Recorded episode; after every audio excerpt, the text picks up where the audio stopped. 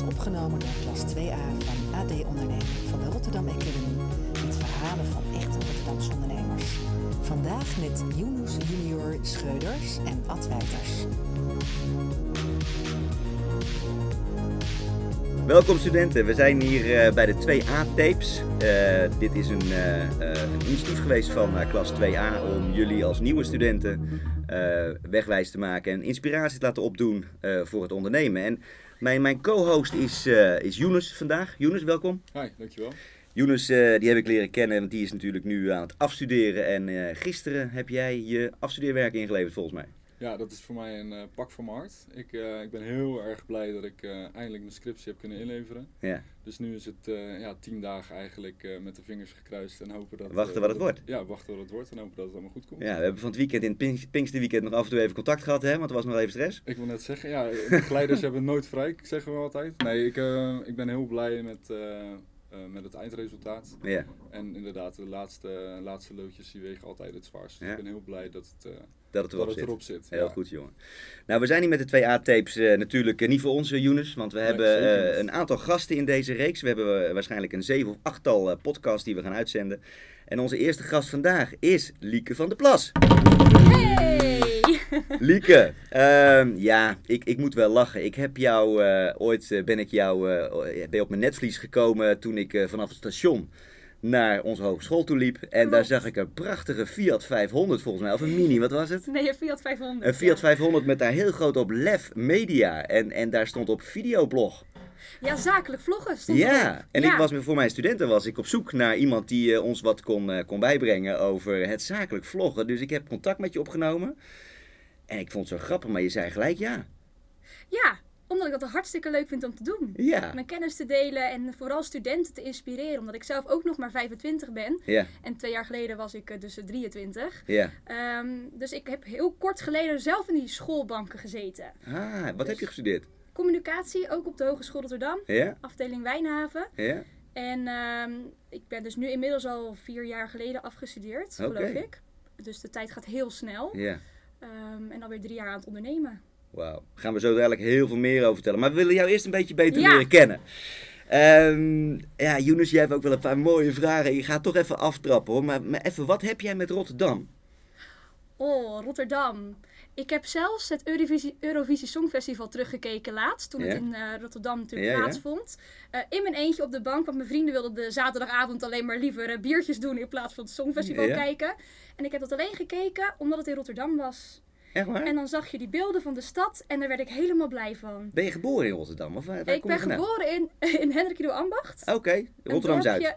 Nou, mm, ja. Ja, ik, nou, ik neem het een beetje grof, hè? Ja. Ik neem het een beetje grof. Ja, nou, ik vind het een dorpje in de buurt van Rotterdam. Ja, ja, ja. Maar ik woon nu al zeven jaar in de stad. Ja? Voorheen met eh, twee van mijn beste vriendinnen midden in het centrum. Oké. Natuurlijk enorm leuke jaren gehad. En eh, sinds kort ben ik helemaal eh, grown-up, want ik woon samen met mijn vriend. Oké, in Ook, Rotterdam. ook in Rotterdam, net voorbij de Euromast. Ah, Oké. En ehm, ja, ik vind Rotterdam gewoon een geweldige stad. Ik vind gewoon...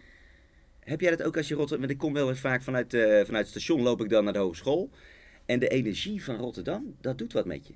Zeker. Ik moet zeggen, ik vind Amsterdam ook een hele fijne stad. Sst! Het gaat Ja. hier over Rotterdamse ondernemers, ik. eh, Lieke. Dat weet ik. Maar als ik dan bij vriendinnen van, in Amsterdam ben geweest, voelt het een soort van als vakantie. Denk ik, oh gaaf, leuk, mooie stad. En dan kom je Rotterdam binnen en het Centraal Station. Ja, ja. En dan valt er weer een soort rust over me heen.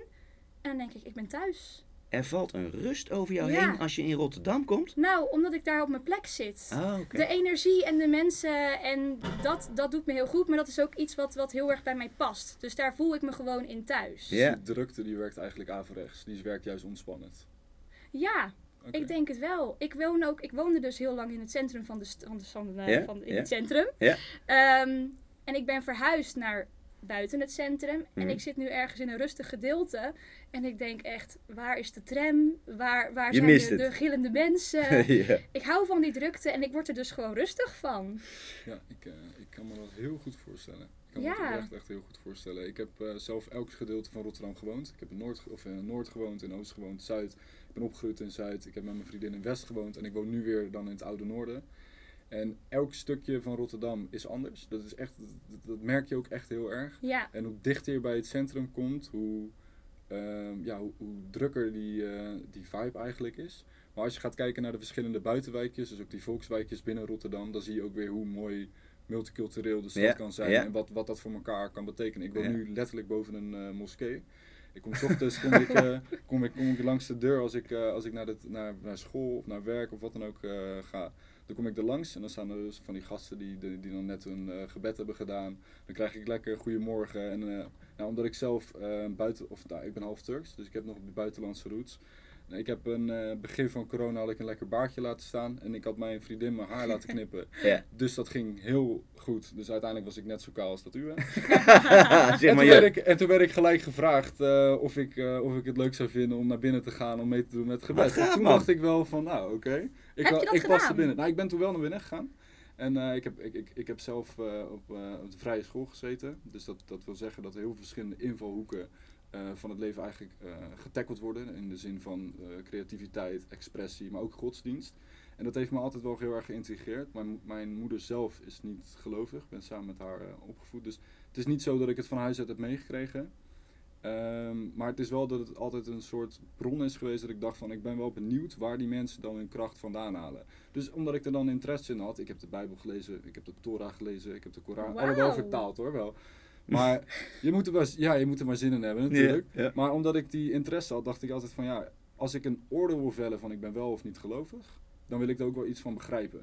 Maar ik heb wel het respect om te hebben, dus van als jij daar kracht uit kan halen. Jij kan elke ochtend wakker worden met het idee van Ja. ik ben goed bezig, want ik, weet je, ik, ik leef mijn leven op deze manier.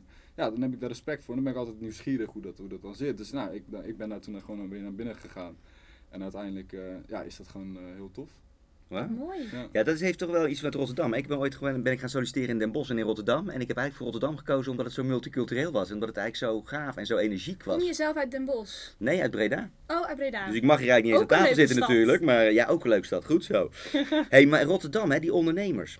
Heb jij het idee dat, dat Rotterdamse ondernemers zich onderscheiden van anderen? Zou je daar iets over kunnen bedenken? Ja, zeker weten. Ik denk dat ik ook op een hele Rotterdamse manier onderneem. Dat hoor ik ook wel eens van mensen in de samenwerking die ik heb. Vertel. Ehm, ze houden van een bepaalde nuchterheid die ik ook wel heb. Een bepaalde directheid. Hm? Eh, het, het niet lullen, maar poetsen mentaliteit. Gewoon Ja. gaan. Ehm, een voorbeeld, laatste, er staat echt al heel lang een offerte uit naar een bepaalde partij. Die elke keer zeggen, we komen erop terug, en we bellen dan en dan, dan, dan, dan. Ja. dan. En op een gegeven moment belde ik gewoon net achterheen. Was best wel een grote offerte. Ik denk, ja hallo, Ja. eh, je, zit me, je laat me hier een beetje wachten. Maar ik wil gewoon die opdracht binnenhalen.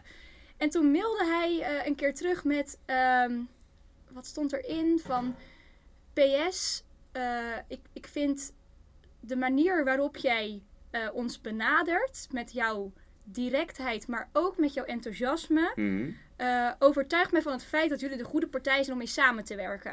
Dat we van aanpakken houden, dat we niet opgeven. eh, zo. En dan ben ik dus geen harde salesstijger die elke week al in het nabellen is. Maar ik doe het wel met een bepaalde eh, passie en vriendelijkheid. Ja. Waardoor ik dus juist een soort gunfactor krijg. Ja. En dat is Rotterdams, vind maar jij? dat vind ik dus Rotterdams. Gewoon erop afstappen en Ja. gewoon aanhouden. Gewoon vast, vast bijten een beetje. Ja, ja, en ik heb hem wel daarna met rust gelaten hoor. En hij is nog steeds niet akkoord. Hij is nog niet, heeft nog niet binnen. Nee, ik heb hem nog steeds niet binnen. Maar toen dacht ik daarna wel van oké, prima. Ik laat het even liggen. Hij heeft zijn prioriteit ergens anders. Ik bel hem later wel weer een keertje, een Ja. keertje op van Ja. hey, hoe gaat het? Ja, soms is het misschien een beetje too much. Hè? Ja, Gewoon, eh, precies. dat is wel mooi in dat sales traject, ja. Want, want hoe kijk jij naar verkoop? Hoe doe jij dat?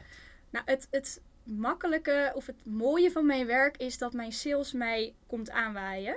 Nu werk ik keihard hoor, dus Aha. ik eh, zit niet bepaald in een luxe positie. Nou ja, eigenlijk ook weer wel. Mijn product staat online en wordt gedeeld door iedereen. En daardoor komt de sales vanzelf. Ehm, mijn auto is bijvoorbeeld mijn saleskanaal, hè Ad? Ja, gezien. Ja, dus ehm, ik hoef daar zelf niet heel veel voor te doen. Maar op het moment dat mensen een aanvraag bij mij plaatsen en ze laten dan vervolgens niks weten, dan bel ik er wel achteraan. Maar ik ben nog niet eh, begonnen met zelf echt sales oppakken. Jeetje, studenten, hoor dit nou toch, joh. Dat Ja, je net gewoon. Lieke doet het gewoon zonder sales. Ja, En dat is niet helemaal waar. Want ik lees van jou ook, is dat netwerken. ja dat klopt. Dat is waar. Wil Ja. jij daar eens iets over vertellen wat dat met sales van doen heeft? Ja, netwerken vind ik super belangrijk. En ik vind ook dat je dat daar, zeg maar vanaf je studie moet je daar al mee beginnen. Ehm, ik ben heel aanwezig op LinkedIn. Althans, heel aanwezig. Ik plaats misschien twee keer in Je de bent als persoon ook best aanwezig, hè? Ja, ja, ja. Dat merk ik. energie die bruist. Ja, heel goed. Ehm, maar ik plaats misschien twee keer in de maand iets. Maar mijn vlogs worden wel heel veel gedeeld door bedrijven. Dus daar reageer ik ook altijd onder. Dus mensen kunnen een soort van op LinkedIn niet echt om, om mij heen. Nee, nee. Ehm, maar daardoor krijg ik wel een online een heel groot en sterk netwerk. Eh, maar ook offline ben ik daar goed mee bezig. Ik ben Mm. bij verschillende eh businessclubs ben ik, eh, aangesloten. Ik vind het onwijs leuk om te borrelen en te netwerken. En dat komt denk ik allemaal voort uit mijn passie die ik heb, waardoor ik ook mijn bedrijf ben begonnen. En dat is een bepaalde nieuwsgierigheid naar mensen en eh, naar verhalen. Ja, Het delen van verhalen, het vertellen van verhalen. En vanuit daar is eigenlijk ook mijn bedrijf begonnen. Ah, oké. Hey, en die verhalen, hè? Als ik nou kijk even naar Kleine Lieke. Ja, Younes, je had daar een mooie vraag volgens mij ook over. Ja, dat klopt. Over Lieke toen ze klein was. Over Lieke toen ze klein was. Nou, ja, het, is, het is meer van... ehm, ja, ik ben gewoon nieuwsgierig wat jij definieert als persoon. En vaak hebben mensen hebben, hebben, hebben ze zelf een beschrijving of een beeld bij zichzelf. Maar eigenlijk het beste hoe ik dat zou kunnen plaatsen is... Hoe zou jouw moeder jou beschrijven? Oh, dat is een mooi. als een kwebbelkous. Dat is gewoon echt, echt al het stukje om jou, eh, om jou te beschrijven. En hoe- Ja. En hoe, zie je, hoe, hoe, ziet, hoe ziet zij dat dan? Want je zegt als een kwebbelkous, maar... Ik denk Waarom als iemand die dus heel spontaan... Ik, ik lijk op mijn moeder, denk ik. Een tikkeltje impulsief, Mhm. heel enthousiast. ehm, ook altijd maar willen gaan, overal ja tegen zeggen... en dan opeens een grens bereiken en denken... oeh, nou moet ik even op de rem trappen, want ik doe weer veel te veel. Ehm, geprobeerd om dat anders in te richten, maar ja, ik ga er gewoon, moet me daarbij neerleggen. Zo ben ik gewoon ja, helemaal. Dat gaat niet veranderen. Dat gaat niet veranderen. Ehm, maar ik denk dat ik een bepaalde drive, een bepaalde enthousiasme heb en een bepaalde, ehm, ja, hoe noem ik dat? Een bepaalde, ja, gewoon passie voor het leven. Ja. Ja. Je vertelde ook iets op jouw blog, wat dat jij hebt gelezen volgens mij. Ja, ik klopt. Ik, ik zag dat jij had gezegd dat ehm, eh, de naam ook Lef, dat dat het enkelvoud was van leven. Klopt dat? Klopt, ik omschrijf hem als het meervoud van lef is leven. Maar Ja. je kan hem ook als Ja. enkelvoud Ja, pakken natuurlijk. Ja, Inderdaad. Ik vond het heel, heel mooi. Maar in, in, iedereen kan daar denk ik ook zijn eigen verhaal of zijn eigen eh, perspectief aan hebben. ja. Eh, hoe zie je dat precies? Want dat is misschien wel de passie waar je het net over hebt om, om uiteindelijk te beginnen met Lef. Ja, zeker weten. Het, ehm, lef betekent voor mij dat je jezelf durft uit te dagen om net uit je comfortzone te treden, om toch de dingen te bereiken die je voor ogen hebt. Waarvan ik denk, een aanname, dat misschien wel 80% dat niet durft. Mhm. En daardoor misschien een droom ehm, niet bereikt of behaalt, omdat diegene het lef niet heeft om alles daarvoor te geven. En er zijn gewoon bepaalde kleine momenten uit mijn nog maar 25-jarige leven te noemen. waarbij ik lef heb getoond, waardoor ik iets heb bereikt. Waardoor ik nu eh, ja, sta waar ik nu sta. Ja. En als ik die momenten niet had gehad en had opgegeven of had gedacht van nou weet je. Kun je één Prima. belangrijk moment terughalen waarvan je zegt, van, nou dat was zo'n sleutelmoment in mijn ondernemersleven? Ja, ehm, ik heb zelf ben ik, heb ik dus communicatie gestudeerd. Ik heb afgestudeerd bij de Euromast op de marketingafdeling.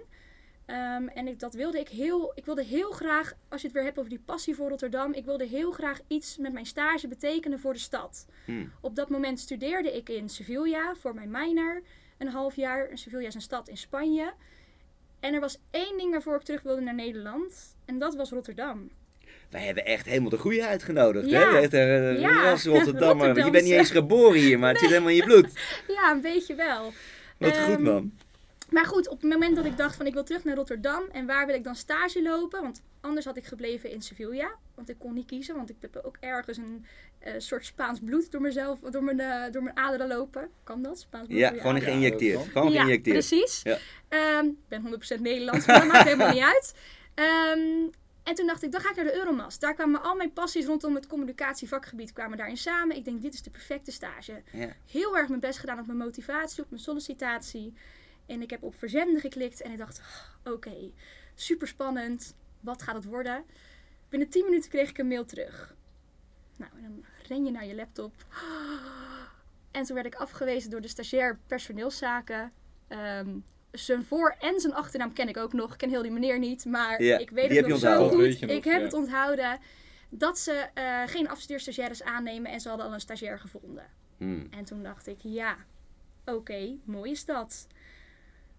Toen heb ik via via het e-mailadres van de directrice achterhaald. Kijk. Ik heb eh, nog geen tien minuten later eh, een mail getikt naar de directrice. Met, eh, dat ze toch eigenlijk echt nog wel even moest overwegen of dat ze wel met die andere stagiair wilde gaan samenwerken. En dat een afstudeerstagiair ook heel veel waarde kan leveren. En dezelfde dag werd ik nog gebeld door de marketingmanager van de Euromast. En ik denk dat ik drie dagen later werd ik aangenomen. Maar Lieke, dit is toch wel... Eigenlijk wat je dus vertelt, ook aan onze studenten, is de, de les van, joh, eh, eh, gok hoog, pak, ga, durf. Ja, Durf gewoon de baas te bellen in plaats van dat je daar onderin blijft hangen. als de directrice had gezegd, joh Lieke, allemaal leuk en aardig, maar dat gaat niet, dan kon ik mezelf er ook bij neerleggen. Dan Ja. denk ik, nou dan blijf ik in Spanje, want dan Ja. heb ik alles geprobeerd. Ja, maar daar heb je er in prima. ieder geval alles aan gedaan. Ja, dan Anders is de keuze later- ge- ja. gemaakt voor mij. En dan heb ik daar ook helemaal. eh, dan ben ik daar fijn mee. Want dan denk Ja. ik ook een soort van. Misschien. eh, ik ben niet heel spiritueel aangelegd. Maar dan denk ik van. Nou, het is ook wel het lot. Dan Ja. moet het gewoon zo Ja, zijn. dan Dan, is is de zo. keuze gemaakt voor mij. Maar in dit geval denk ik dat je nooit moet opgeven als je iets hebt. Dat je denkt, je moet altijd zoeken naar, oké, hoe kan ik het gewoon creatief denken? Ja, ja. En ja, dan, dan kom je er. En als ik dus niet bij de Euromast stage had gelopen, had ik waarschijnlijk ook mijn onderneming niet gehad. Hmm. Omdat het idee voor het vloggen bij de Euromast is begonnen. Oh, En zo is het allemaal een aaneenschakeling van kleine dingen en momenten waarop ik dus les heb, lef heb getoond. ja.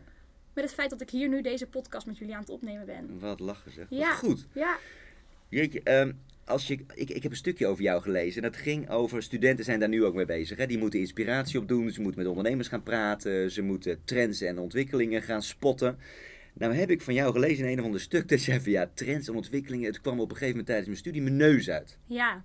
Vertel. Nog steeds wel, als je het woord uit, uitspreekt. Ja, trends en ontwikkelingen. Je had van die paar ehm, ehm, trefwoorden of zo waar je dan je onderzoek op, op moest baseren. En er was eentje was dan trends en ontwikkelingen. En ik vond dat gewoon altijd heel vaag. Ja. Hoe kun je nou met verschillende modellen trends en ontwikkelingen spotten? Ja, ik deed het altijd maar om een voldoende te halen. Maar achteraf dacht ik, dit ga ik echt nooit gebruiken. ja. En eh, dan zit je in de praktijk. Je wordt, eh, ik was eh, stagiair bij de Euromast. Mm. Vervolgens ben ik daar ook gaan werken, parttime. En ehm, toen dacht ik opeens, joh, eh, dat vloggen, dat zakelijk vloggen, dat gaat denk ik nog wel eens een succes worden. En ik heb wat onderzoek gedaan en ik heb later besefte ik mij dat ik eigenlijk dus een trend heb gespot, een ontwikkeling heb gespot. En dat het maar heel goed, ja, en dat het maar heel goed is dat ik met mijn communicatieachtergrond daar toch iets over mee heb gekregen. Anders had ik daar misschien niet op die manier zo open voor gestaan zoals ik toen deed. Ja, dus je bent, het, is een stukje, het is een stukje geluk, toeval. Ja, En het is een stuk openstaan voor nieuwe dingen en, en nieuwe ontwikkelingen en gewoon nou, wat pakken. het, dat, is, dat is het vooral. Het is vooral gewoon kansen zien en kansen grijpen. Sommige mensen zien kansen, maar grijpen ze niet. Ja? Omdat ze het bijvoorbeeld niet durven. Want zakelijk vloggen was totaal nog niet bekend. Een zakelijk vlogger, zoals mijn beroep is, dat bestond nog niet. Ja, ga maar eens je baan opzeggen om te zeggen: ik ga mijn onderneming starten, ik ga het gewoon doen. En ik zie wel waar het me brengt. Ja, dat is lef tonen. Dat is lef tonen. Dus toen ik een bedrijfsnaam nodig had, toen Ja, eh, was het al snel duidelijk. Ja, ja, ja, ja. Ik denk dat wordt lef, lef media. Eh, met, eh, hoe, wanneer wist jij dat je ging ondernemen? Nog niet als klein meisje volgens mij. Mm, Of wel? Of was je altijd wel een beetje onderneemstertje? Jawel, ook wel. Heel grappig. Ik heb laatst nog een foto op eh, Instagram gedeeld, op eh, eh, het Lef Media account. Waarbij ik als klein meisje samen met mijn zusje op de voorgevel van de stoep van ons huis Ja? ehm, eh, stenen aan het verkopen was. En die, Stenen. die stenen, die, die waren dan op vakantie in Spanje. Want daar Oh, ik dacht dat je ze gewoon uit de stoep ging halen en dan verkopen. Dat had ik helemaal gaaf gevonden. Ja, bakstenen. Zo, kijk eens, ingepakt en wel. Ja. Eh, nee, wij, eh, wij eh, importeerden die Importeerde stenen. uit Spanje. Ja. Oftewel, als we dan bij een restaurantje waren en dat hadden ze zo'n stenen strand, dan Ja. gingen wij op zoek naar mooie stenen. En dachten we, oh, deze nemen we mee in ons koffertje naar Nederland. En dan gingen we er in Nederland gingen we er wat iets op tekenen, een bloemetje of weet ik veel wat we gingen erop gingen tekenen. Waarde creëren. Waarde creëren en dan verkochten we die voor 50 cent of een euro aan mensen die voorbij liepen, voorbij fietsten.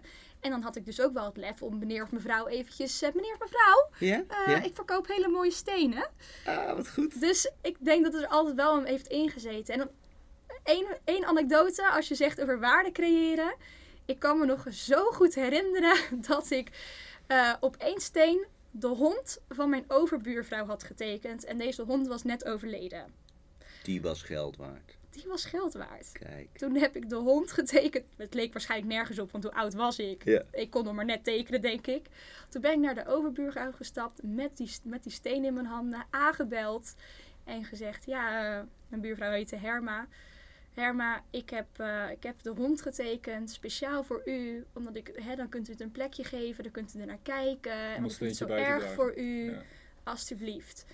En nou ja, ik kreeg daar toen geloof ik 2 euro voor of zo. Ja. Ik, heb er niet, ik heb niet eens om geld gevraagd. Het was meer de gunfactor van ik heb het, kijk eens alstublieft, dat krijgt u. Maar waarschijnlijk zat er in mijn achterhoofd wel iets van, hey.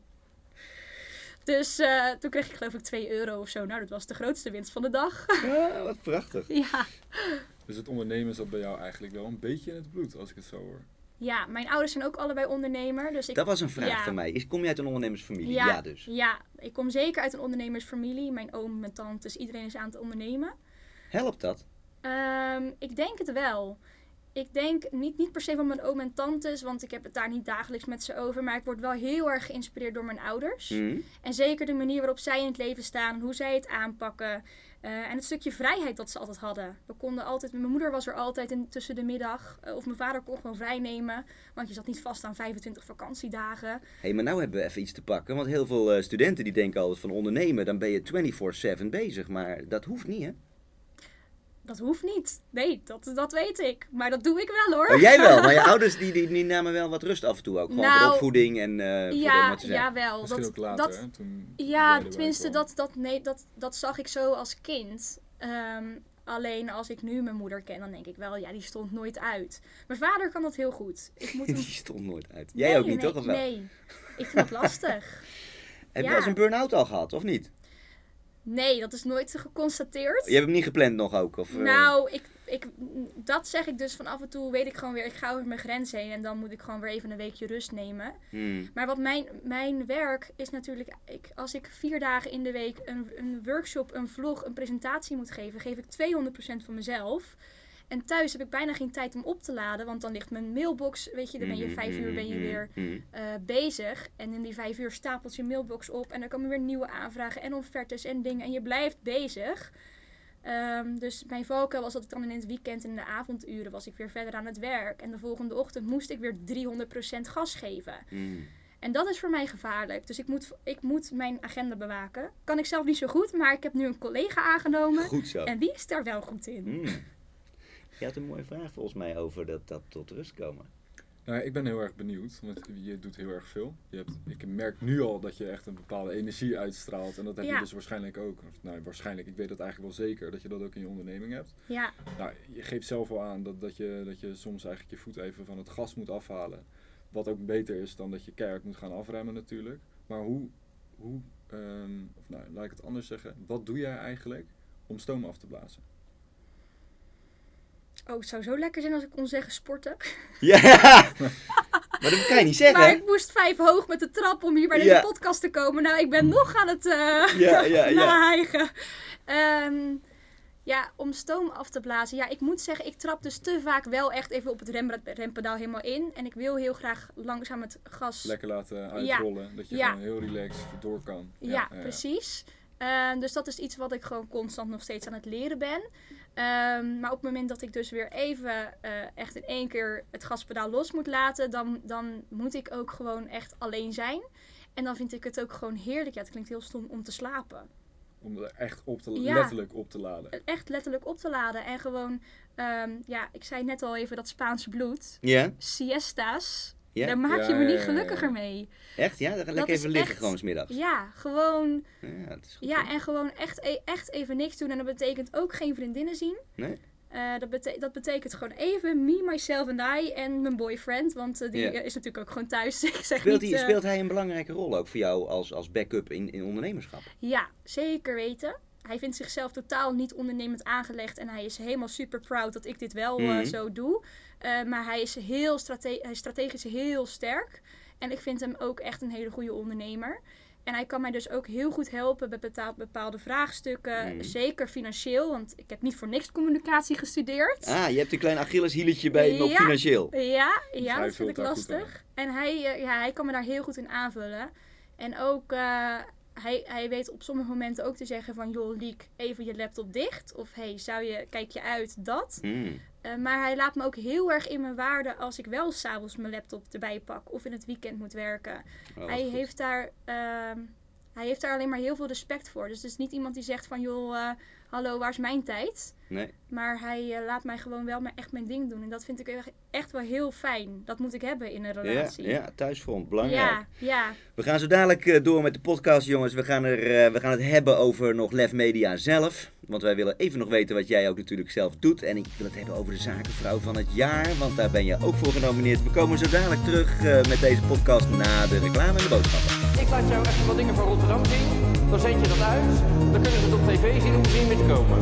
Dus lekker thuis Is dat het idee? Dit zijn de 2A-tapes. Luister zo dadelijk na de break verder naar nog meer inspirerende verhalen uit ondernemend Rotterdam.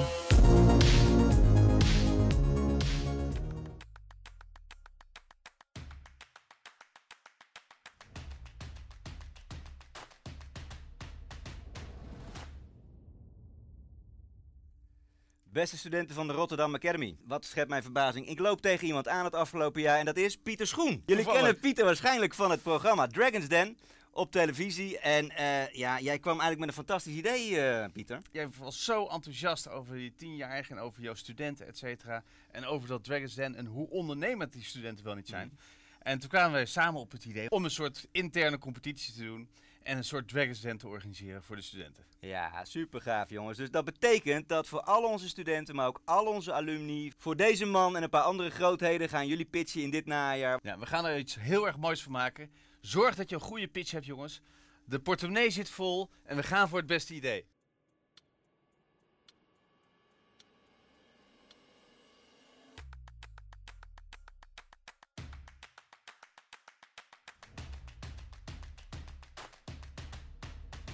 Goed, dan zijn we weer eh, met de twee A-tapes. Eh, we hadden net even in het eh, reclameblokje hebben we even gesproken over, over netwerken. En, en ook even over de dynamiek van, van ons hè, en, en ondernemers. Ehm, als je kijkt naar netwerken, Lieke, jou, jou, hoe, hoe ga jij zo'n netwerkgesprek in als je naar een bijeenkomst gaat of zo? Wat, wat, wat is jouw uitgangspunt? Wil je er iets halen of niet? Of, Verhalen, dat zei jij ja. nieuwsgierigheid. Ja. Ik zit dan dus sowieso niet heel erg op sales of op verkopen. En Zo- stiekem eigenlijk wel. Hè? Ja, je bent continu jezelf aan het verkopen eigenlijk. maar dat is Tuurlijk, niet bewust. Niet bewust. ehm, maar ik vind het belangrijk. Ik, ik, ik hou er niet van als mensen gelijk heel erg met hun verhaal op tafel komen. Dus wat ik doe is, ik, ik vraag sowieso altijd eerst naar de ander. Wie ben je? Wat doe jij? Zodat ik goed kan luisteren. En als ik, als ik mijn moment krijg om mijn verhaal te doen, daarop in kan haken met bepaalde aspecten van, oh hey, dat heb ik ook. Of je vertelde net dit, dat is voor mij werkt dat zo. Of misschien moet je eens met die of die gaan praten, die ken ik in mijn netwerk. Dus ik ben heel erg aan het geven, totdat ik denk van, oh, maar hier, nu kan ik een koppeling maken. Ja. heel erg die connectie elke keer aan het zoeken. Ja. Ehm, dus sowieso is mijn tip altijd: laat eerst de ander praten, zodat je ook goed kan achterhalen hoe, wat is de behoefte van Mhm, diegene, mhm. waar wil diegene naartoe en hoe kan jij hem of haar aanvullen. In plaats van dat je meteen zegt: joh, hey, ik ben Lieke, ik heb Lef Media, ik verkoop vlogs. Kopen! Hup, kopen, kopen die hap. Dus kijk, netwerken, ehm, soort van netwerken. ja, het is ja. netwerken. Ja. Ehm, maar het is ook wel echt die verbinding leggen. En die connectie aangaan. En niet alleen maar nemen, maar ook zeker geven. En dan komt het uiteindelijk wel terug. Dat is iets van de huidige periode, toch? Dat we zeggen, we moeten eerst geven en je moet eerst gewoon iets in dat, een duit in het zakje doen en dan komt het ergens. Ik ben wel een klein beetje spiritueel en ik geloof altijd als je ergens iets insteekt, dan komt het altijd op een andere manier wel weer bij je terug. Ja, Is dat iets wat bij jou ook rijmt? Of?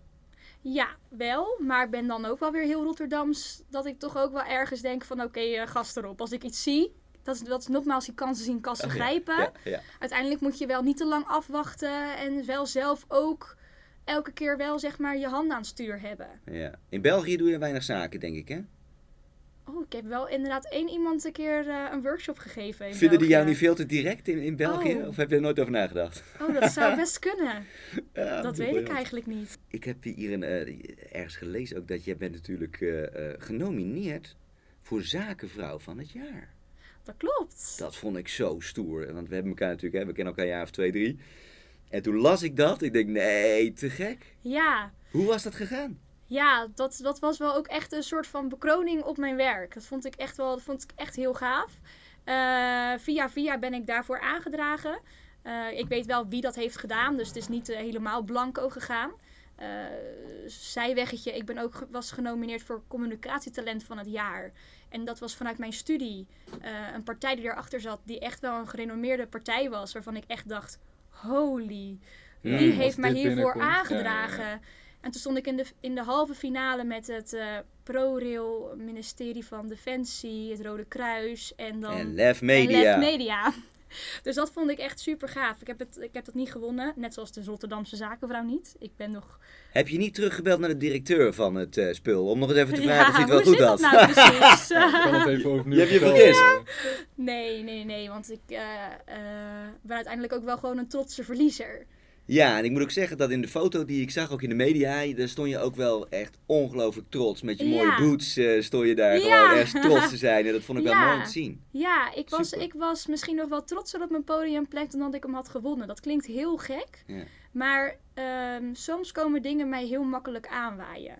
Hmm. En dat gevoel had ik ook een klein beetje met die Rotterdamse zakenvrouw-competitie. Hmm. Eh, ik, ik had het gevoel dat ik gewoon die pitch, oh ja, ik, ik ben makkelijk. doen. Ik kan, ik kan best wel goed pitchen. Hmm. Nou, prima, ik pitch. En ik was door. En ik dacht eigenlijk, nou, die heb ik. Ja. Ik dacht echt, die is, Oh, dat die is is arrogant zeg, hé. Ja, ik dacht het. ik geloof ook een beetje in The Secret. Ja? Dus als je, Ja. als je iets echt wil, dat je, dat, al, dat je het visualiseert en dat je het gelooft. Mhm. En ik denk, leuk man, eh, dit, dit, dit, dit gaan we doen. Ehm, totdat je daar staat en je wordt het niet. En op dat moment had ik daar dus meteen vrede mee. Ja. Dat ik ook dacht van, zie je, eh, het is keihard. eh, weet je wel, ik, ik, ik sta hier wel echt met een reden. Ja. En ik ben door een jury ben ik bekeken. En hebben ze onze cases individueel bekeken. En gewoon gezegd, iemand anders die scoort beter op deze punten. En voor mij is er nog een hele lange weg te gaan. Ik moet me nog blijven ontwikkelen. Ik moet Mm. blijven leren. En misschien dat ik over vijf jaar in de andere categorie, de hoofdcategorie, eh, wel die Rotterdamse zakenvrouw ga worden. Maar voor mooi. nu was dit niet mijn moment. Ja, Ik vind het eigenlijk heel mooi, want nu weerleg je eigenlijk je eigen punt. Want je zegt Ja. net van, het kon, mij, het kon mij vaak aanwaaien. Maar ik vind dit eigenlijk gelijk een soort extra reflectie op jezelf. Dat je zegt, het kon mij aanwaaien. Maar eerst heb je al eigenlijk aangegeven hoe hard je werkt. Dat je er 200, 300 procent en zo s'avonds mee bezig bent. Dus ik, ik ga je daar echt wel corrigeren. Dat ik zeg dat het je niet komt aanwaaien. En dat je daar gewoon Nou. één keihard voor werkt. Ja. Ja, Twee, dat je daar op dat podium staat en dus kan beseffen en reflecteren dat je daar gewoon nog niet de allerbeste bent, zeg maar. Maar dat je daar dus wel wil komen en dat je dus er bepaalde doelen voor hebt gesteld. Dat je daar ook nog verliezend mee kan omgaan en daar dan heel hartstikke trots voor jezelf en ook als ondernemer kan staan. Dat, dat, dat, ja, dat, dat vind ik aanwaaien. Dat gaat bij mij dan Ja, helemaal nee, dat, dat klopt niet. dat klopt Nou, dat niet. vind ik heel nee, dat vind dat ik, je dat, dat meen ik, dat meen ik oprecht. Maar ehm, ja, dit, is, dit is eigenlijk voor jou een, een, een, een, een verliespunt. Maar tegelijkertijd win je daar twee punten mee. Ja, en ik, ik, ik moet ook wel zeggen, ehm, du- volgens mij na vijf dagen, volgens mij het was een keer een zondagavond. En toen had ik voor het eerst een moment dat ik inderdaad, want de media, weet je, op LinkedIn en dingen, je krijgt honderd keer reacties. Ik kreeg heel veel bloemen en lieve berichtjes van vrienden en Mm, familie. Ja, En mijn beste vriendin die me opbelde vanuit Tokio, want die werkt daar nu even tijdelijk. Lieke, hoe voel je je nu echt? Dat ik zei, Veer, oprecht, ik heb er vrede mee. Ik vind het helemaal prima. Echt? Ik zeg, ja, echt. Echt waar.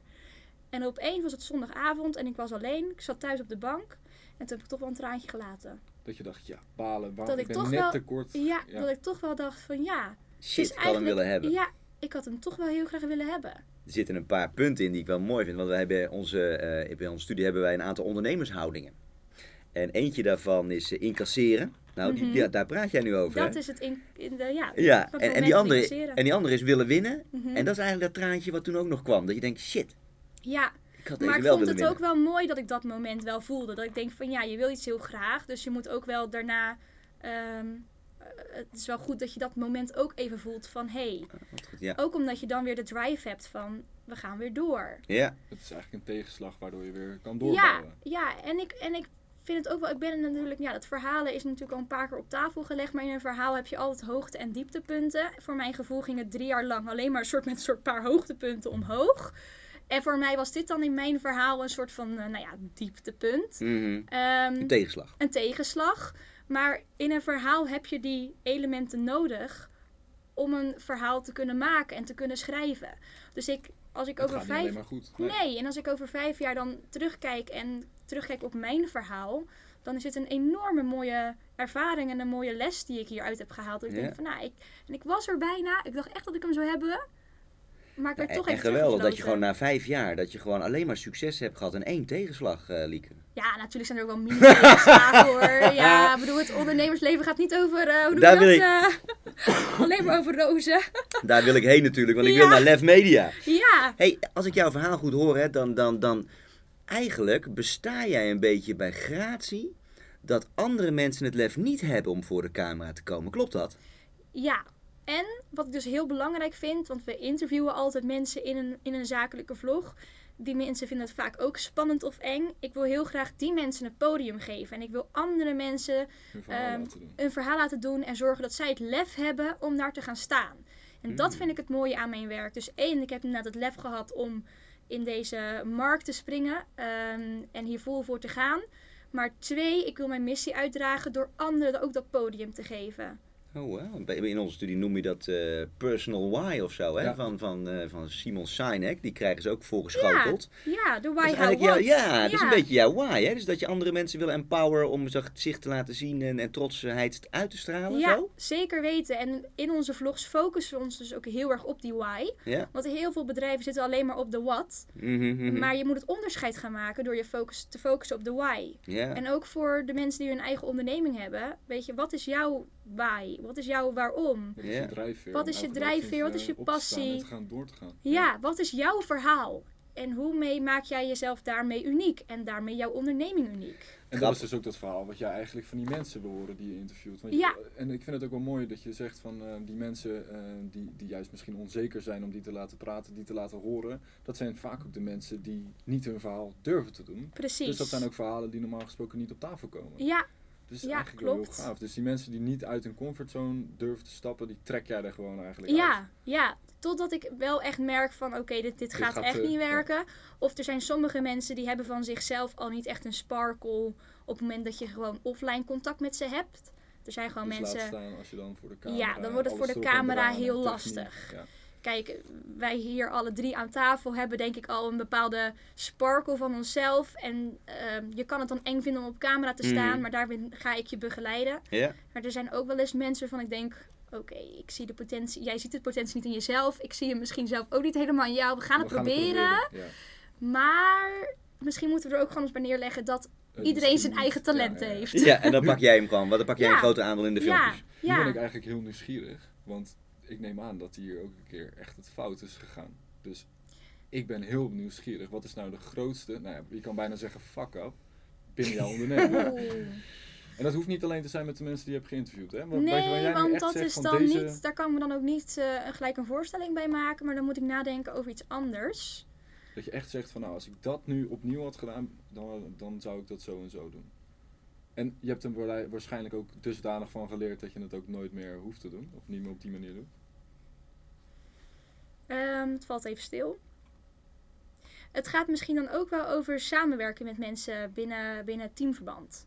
In je bedrijf. In het bedrijf. Dat je daar echt goede afspraken mee moet maken. Ehm, en ik zie, ik zie heel snel eh, het positieve in iemand en denk ik, oh ga maar, ga het maar doen. Maar ehm, dat is ook wel eens fout gegaan. Of tenminste, Mhm, fout. mhm, mhm. Gewoon Niet min- zoals je dacht. Niet zoals ik had gedacht.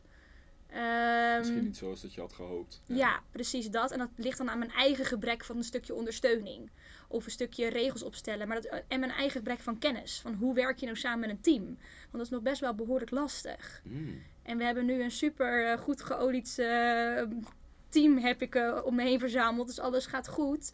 Maar ehm, dat moet je wel leren door ja, tegen dingen aan Ja, te lopen. Te. Kun je dat Ja. op school leren of moet je dat eigenlijk in de praktijk leren? Ik denk dat je heel veel dingen ook echt in de praktijk moet leren. Ja. Ja. Daar moet je gewoon. Ja, ik heb natuurlijk heel. Kijk, ik wist helemaal niet dat er een ondernemersstudie was. Super gaaf. Ik had het graag Ja. willen doen. Misschien ga ik me nog wel inschrijven. Je bent welkom. Ja. Maar. ehm, Maar liever als gastdocent trouwens. ja, ja. nou, oh, ik nou, nu ook al. hartstikke leuk. Ehm, maar ik denk dat inderdaad sommige dingen leer, leer je niet op school. Die leer je gewoon alleen in de praktijk. Ja. En dan moet je daarmee dealen. Dan is het vallen en opstaan. En eh, ja, Wij, en weer door. wij stimuleren onze studenten natuurlijk ook om eh, in de studie heel veel te doen. Vooral, Ja. hè? Wij eh, de- geven les op de associate degree en dat is eigenlijk net iets anders dan de bachelor. Wij gaan uit van het eigen concept van de student en die moet dan daar gewoon op acteren. Hè? Dus dan, we, we jagen ze soms naar buiten, naar ondernemers, om te gaan praten. hey, nou vertelde jij mij eh, net even in de pauze... dat je inderdaad dat er in Rotterdam iets speciaals is met ondernemers, dat ze eigenlijk wel heel hulpvaardig zijn of zo. Ja, Naar elkaar. ja. Ik merk wel een bepaalde eh, vibe in Rotterdam. Dat mensen elkaar willen steunen. Elkaar weer verder willen helpen. En dat we heel erg zijn van het samenwerken met elkaar. Ja. Ehm, en dat is dus ook wat ik dus de studenten wil meegeven. Van, toon dat stukje lef. Dat als je met iemand wil praten of je hebt iets van iemand nodig. LinkedIn nogmaals is een heel laagdrempelig en makkelijk platform om die linkjes te leggen. Dat zou je ze echt aanraden om gewoon Ja. LinkedIn op LinkedIn te gaan. Ja, zeker weten. En als jij een persoon wil spreken. ehm, ik had ook eh, op LinkedIn de directrice van de Euromast een connectieverzoek kunnen sturen met een berichtje erbij. Hm.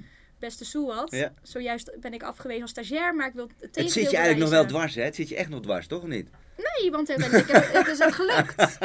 Nee, maar ik denk wel dat het een heel goed voorbeeld is. Waarbij heel veel mensen misschien afgehaakt hadden.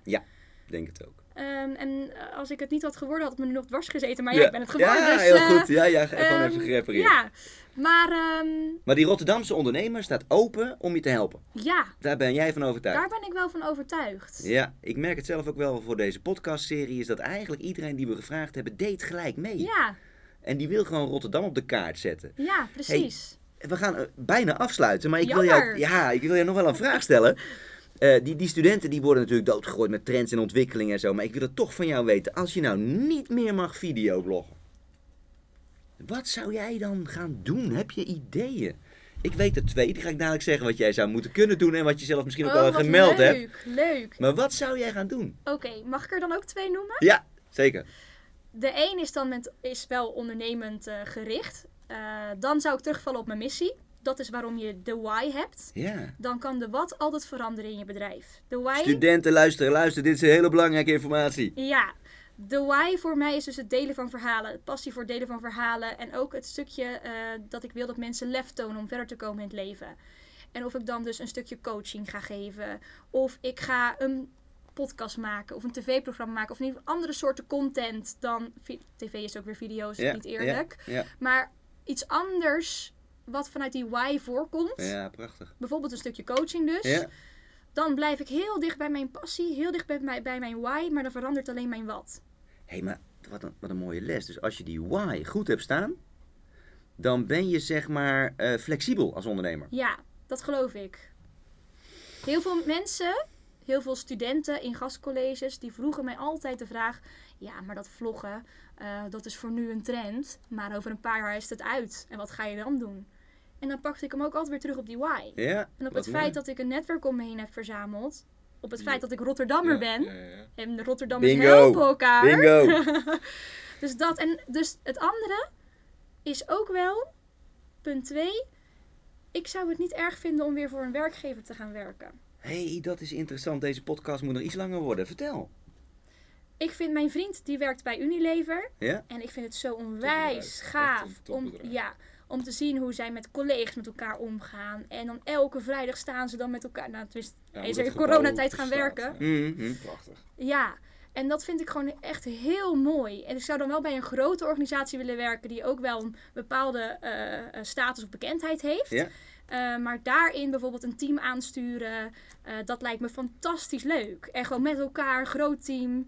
En dat heb ik met Lef Media heb ik een Ja. klein team. Jij hebt mensen om je heen nodig, ik heb hè? mensen om me heen nodig, dat is het ja, een beetje. ik snap jou al een beetje. Ja, en of ik daar dan nu zelf aan het roer sta of de baas ben en de beslissingen mag maken, of ik zit daar een stapje onder, dat maakt me helemaal niks uit. Nee. Maar nu ben ik wel nieuwsgierig, want als je dus nu binnen Unilever zou mogen kiezen naar één functie. Ja. Die je nu, morgen, mag je gelijk beginnen. Die mag jij bekleden. Die mag precies, dat mag je helemaal zelf verzinnen. Welke functie zou dat zijn? Nou, nou, daar noemde ik Unilever, maar ik weet niet of nee. ik in de levensmiddelen wil zitten. Nee, want ik wil wel nog weer die passie hebben met het, met het product. Dus binnen Unilever, maar dan zit ik denk ik wel gewoon op de marketing-sales afdeling. Dat wel. Samenwerkingen. Nog steeds het uitdragen Het van het ja, dat wel. Maar veel liever ga ik dan bijvoorbeeld binnen, binnen Talpa of zo werken. Ook Ja, een groot bedrijf. ja, En ja, ik heb ja. stage gelopen bij Koffietijd. Daar, daar denk ik nog elke dag aan terug. Vond ik zo Oh, fantastisch leuk. Daar heb ik heel mijn studie lang naar gekeken gewoon. Ja, is Ja, dat zo? En dan ook gewoon zeven jaar over mijn studie. Joh, joh. Kom dat je te veel Wij gaan, wij, ik, wij gaan allebei, want ik, ik eh Younes ook. Younes, ik ben loopbaanadviseur ook nog in, eh, in, mijn, in mijn werkende leven. En dat gaan we nou even bij Lieke ook doen. Wat zie je haar nog meer doen? Ja, Wat zie je haar nog meer doen? vertel. Zal ik een aftrapje maken? Ja, dat jij maak er even nadenkt? Ik denk er even van na, want ik heb wel een bepaald beeld bij jou nu. Dus Ja, ik heb me stiekem een beetje laten leiden door wat ik allemaal over je gelezen heb. Want ik, ik vind dagvoorzitter zijn, dat heb jij gezegd. En dat zie ik jou ook helemaal Oh ja, doen. leuk. En, en volgend jaar presenteer jij gewoon die zakenvrouw van het jaar. Nadat je misschien Ik heb ze een gewonnen hebt. mailtje gestuurd, hè? Ja? Dus kijk, Of had ik, of ik de avond mag presenteren volgend Ah. jaar. Ik heb het gedaan. Wist ik. Ja, Ja. tuurlijk. En de andere is, en, en dan moet ik even denken aan een hele oude schoolmaat van mij, maar ik zou jou ook als documentairemaker zien. Oeh, Vanuit Ja. jouw why. ja, Fantastische human style documentaires. ja, Dus dat talpa, dat kan nog wel eens een goeie zijn. Ja. goeie, mooi, Ja, leuk. ja, documentairemaker. Ja, Wauw. ik, eh, ik heb denk ik wel wat leuks. Ehm, ik weet niet of jij er zelf eh, ehm, misschien zelfs wel een, een stapje achteruit eh, vindt. Dus zie het absoluut niet als een, als een belediging. Want ik zie het juist persoonlijk als een heel belangrijk iets. Je ziet dat ehm, eh, vooral in de retail, en dan gaan we het weer over Hm? die trends en ontwikkelingen. Dat ja, veel winkels die, die, die verdwijnen, zeggen ze. Er zijn veel mensen die zeggen dat het online steeds groter gaat worden. Ik heb daar zelf andere gedachten bij. Maar ik denk dat de beleving Hm. binnen retail zo verschrikkelijk belangrijk is. En dat alle facetten die daarbij horen, dat dat, dat, dat dat gewoon de key is om uiteindelijk te verkopen. Ik zie jou echt als een persoon die, die het gezicht is van een bepaalde kledingstijl of merk of van Mm. een winkel. Als een soort host. Of als- Zelfs misschien wel van een nieuw soort, want ik weet van Younes, die is afgestudeerd op een hybride winkelconcept waarin hij Oh ja, cool. retail en horeca gaat combineren. leuk. Weet je, en dat moet jij echt in de markt gaan zetten. En Ja, Lieke is natuurlijk het perfecte. Ik ga je Lieke is natuurlijk perfecte kandidaat daarvoor om dat gewoon te volgen. Ja, we gaan Ja, linken. ja. Wij gaan leuk. even linken. Leuk. Helemaal super. Lieke, wij gaan jou bedanken. Ja, Ik vond het een superleuk gesprek. Het is ongelooflijk uitgelopen, maar dat is helemaal geen probleem. Dat vind ik hartstikke tof. Younes, jij ook bedankt jongen dat jij eh, mijn co-host wilde zijn. ja, bedankt jongens. Jullie hebben de goede vragen gesteld. Leuk. Supergoed. En Ja. eh, studenten, eh, wij zijn er eh, volgende week eh, zijn wij er weer met een nieuwe de 2A tapes. Jongens, dankjewel. Dit was weer een podcast uit de serie De 2A-tapes. Laat je ook volgende week weer inspireren door een echte Rotterdamse ondernemer bij de Rotterdam Academy voor Ondernemerschap.